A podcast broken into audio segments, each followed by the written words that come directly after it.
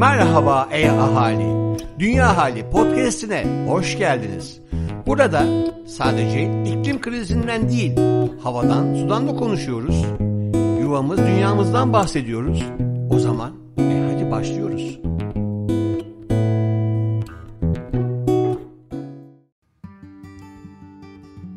Selam dünyalı. Ben Ela Naz Birdal, 15 yaşındayım ve bir iklim aktivistiyim. Bu hafta dünya ahalinin yeni bülteniyle karşınızdayım. Dünya ahalinden herkese merhaba. Son 10 yılın en önemli buluşmalarından biri olarak tanımlanan COP26'ya günler kaldı. Tartışmalar devam etse de hepimizin ortak beklentisi aynı duruyor. Durumun aciliyeti nedeniyle hızlı aksiyonlar alınması. Küresel iklim grevi sistemi kökten değiştir sloganıyla 22 Ekim Cuma günü karalıcılara seslenmek üzere gerçekleşiyor. Dünyada olup bitenleri karşı hissettiklerimizi Esmiyor ile Aposto Stüdyo'da konuştuk. Biraz dertleşmek isteyenleri podcast'te bekliyoruz. Linke bültenden ulaşabilirsiniz. Keyifli dinlemeler. Kübra Dağtekin Dünya Açlıkla Mücadeleye Yardım Kuruluşu 2021 Küresel Açlık Endeksi raporunu yayımladı. 2021 Küresel Açlık Endeksi birden fazla krizle başa çıkan bir dünyada korkunç bir açlık İklim Masası Çağla Fadıllıoğlu Haberler Temiz Enerji Uluslararası Enerji Ajansı'nın her yıl yayımladığı Dünya Enerji Görünümü raporu yayımlandı. Rapora göre güneş ve rüzgar gibi yenilenebilir enerji kaynaklarında artış, yeni bir küresel enerji ekonomisinin oluşmakta olduğuna işaret ediyor. 2030 yılına kadar yapılması önerilenler arasında elektrikte rüzgar ve güneş enerjisi başta olmak üzere temiz enerji kaynaklarının payının ciddi oranda arttırılması, enerji verimliliğine odaklanılması, fosil yakıt sektöründeki metal salımlarının engellenmesi yer alıyor. Temiz enerjiye geçişi hızlandırmak için gelişmekte olan ekonomilere finansman sağlanması şart. Acilen enerji sistemlerinin daha dayanıklı hale getirilmesi gerekiyor. Yenilenebilir enerjiye dayalı yeni bir enerji ekonomisi için önemli olan rüzgar türbini, solar paneller, bataryalar ve yakıt hücreleri gibi ürünlerin üretimine yatırım yapanlar kazançlı çıkacaklar. Açlık Dünya Açlıkla Mücadeleye Yardım Kuruluşu 2021 Küresel Açlık Endeksi raporunu yayımladı.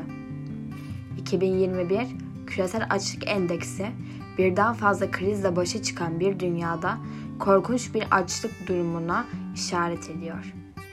47 ülke çok ciddi seviyede açlık çeker durumda. Durumun en kötü seviyelerde olduğu ülkeler Afrika'da Sahra Çölü'nün güneyinde ve Güney Asya'da bulunuyor. Rapora göre iklim değişikliğinin sonuçları giderek daha belirgin ve maliyetli hale geliyor. Ancak dünya bunu hafifletmek için tam olarak etkili bir mekanizma geliştirmedi. 2020 ve 2021 boyunca dünyanın farklı yerlerinde ani bir artış gösteren COVID-19 salgını küresel salgınlara ve bununla ilişkili sağlık ve ekonomik sonuçlara karşı ne kadar savunmasız olduğumuzu gösterdi. Ayrıca dünyada şiddetli çatışmalar ve açlık karşılıklı olarak etkileşim içinde. Gıda güvenliği sorununu çözmeden sürdürülebilir bir barışı inşa etmek çok zor. Bunun yanında barış olmadan küresel açlığı sona erdirme olasılığı çok düşük. Köşe bucak dünya. Profesör Doktor Levent Kurnaz. Avrupa Birliği'nin sopası. Türkiye'nin 2053 yılında net sıfır karbon salan bir ülke olabilmesi için her sene salımlarımızı %5.6 azaltmamız gerekiyor. Gelecek sene 251 gün özel aracınızla işinize gitmek yerine 235 gün özel aracınızla işe gidip geri kalan 16 günde toplu taşıma kullanacaksınız. Bunu her nasıl başaracak olsanız da yapmak zorundasınız.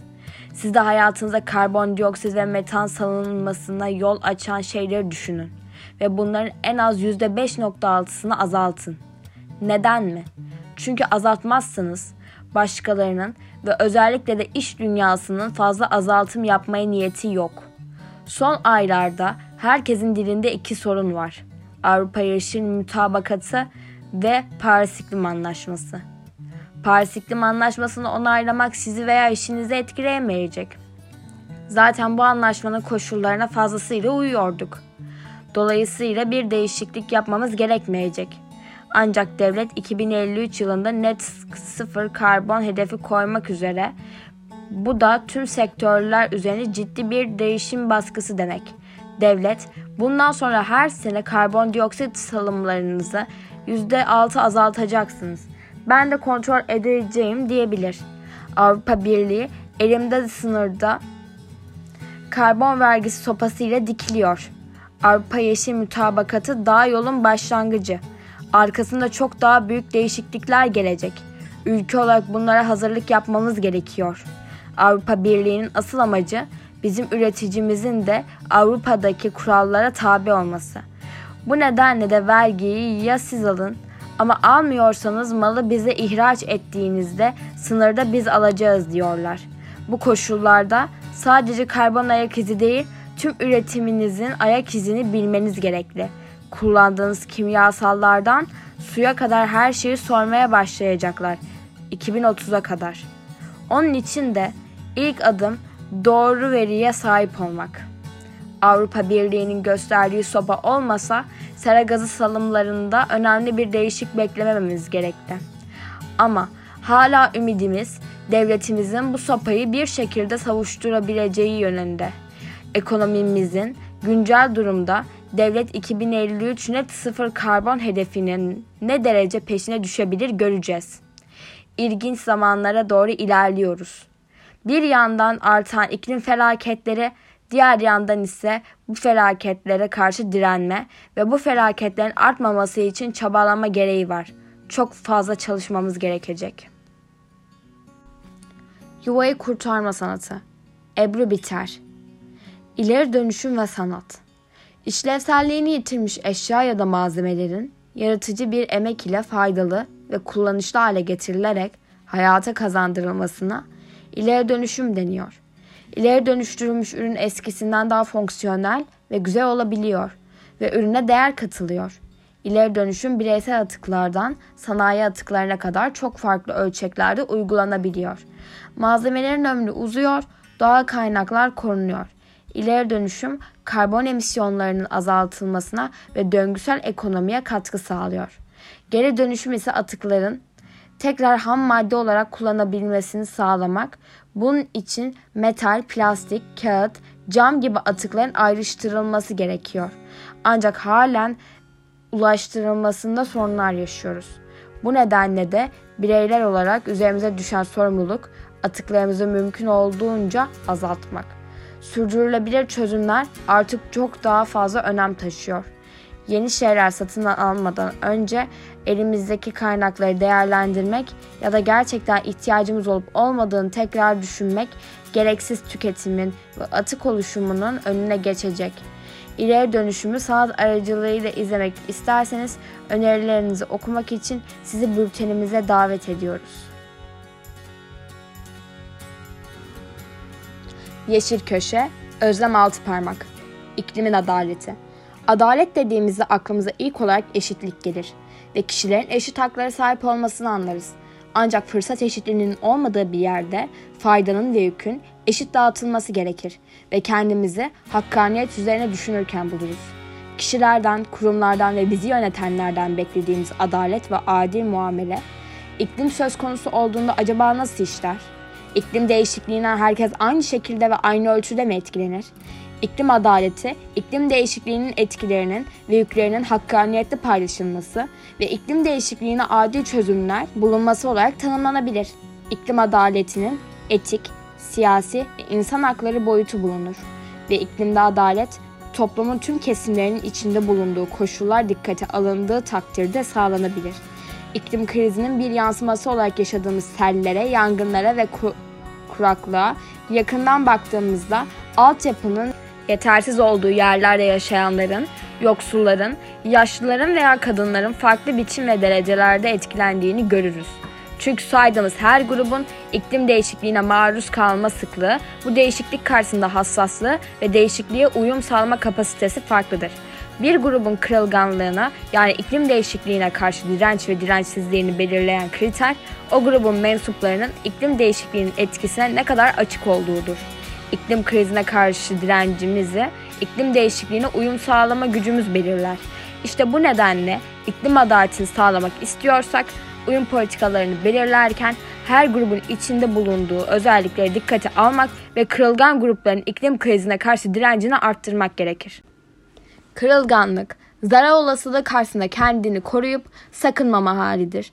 Zarar riskinden kaçma şansımız yoksa ve zarara uğradığımızda bunu tazmin edip giderme gücümüz bulunmuyorsa kırılganlığımız katlanarak artar.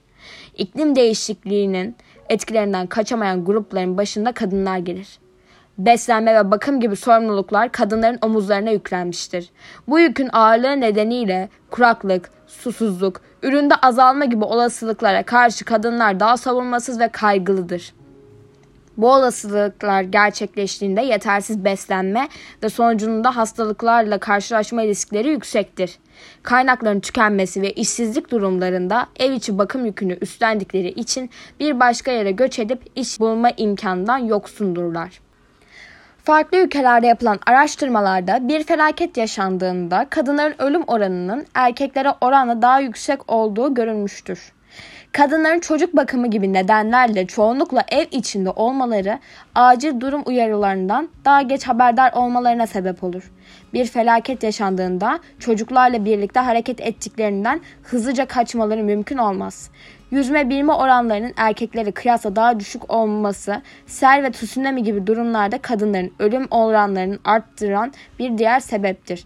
Bunlara ek olarak iklim değişikliğinin yarattığı yoksulluk, işsizlik ve göç gibi durumlarda kadınlara yönelik şiddet vakalarında artış gözlemlenmektedir. Bu yüzden iklim değişikliği uyum politikalarını belirlerken toplumsal cinsiyeti her zaman aklımızda tutarak iklim adaletini gerçekleştirmeye odaklanmak gerek. İklim adaletini sağlamak konusunda atacağımız her adım bizi eşit, adil ve sürdürülebilir bir geleceğe yaklaştıracak. Birbirimizin yarasını görüp o yarayı sardığımız zaman bu kriz karşısında güçleneceğiz ve hep birlikte iyileşeceğiz. Yuvam Dünyalılar ne yapıyor? Kübra Dağtekin İzliyoruz. Gezegenimizin kritik eşikleri. Yönetmen Jonathan Clay. Gezegenimizin kritik eşikleri dünya ünlü bilim insanı Yuan Rockström'ün yolculuğunu konu alıyor. David Attenborough ve Johan Rockström, medeniyetin doğuşundan bugüne geçen sürede insanlığın gezegenin sınırlarını ne düzeyde zorladığını, farklı düzeylerdeki değerlendirmeleri anlatarak gözler önüne seriyor. Belgesel, bu kritik sistemleri korumak için harekete geçmemiz gerektiğinin altını çizerken çözüm önerilerini de özetliyor. 75 dakikalık bu yapıma Netflix'ten ulaşabilirsiniz. Haftaya görüşmek üzere. Sevgiyle kalın.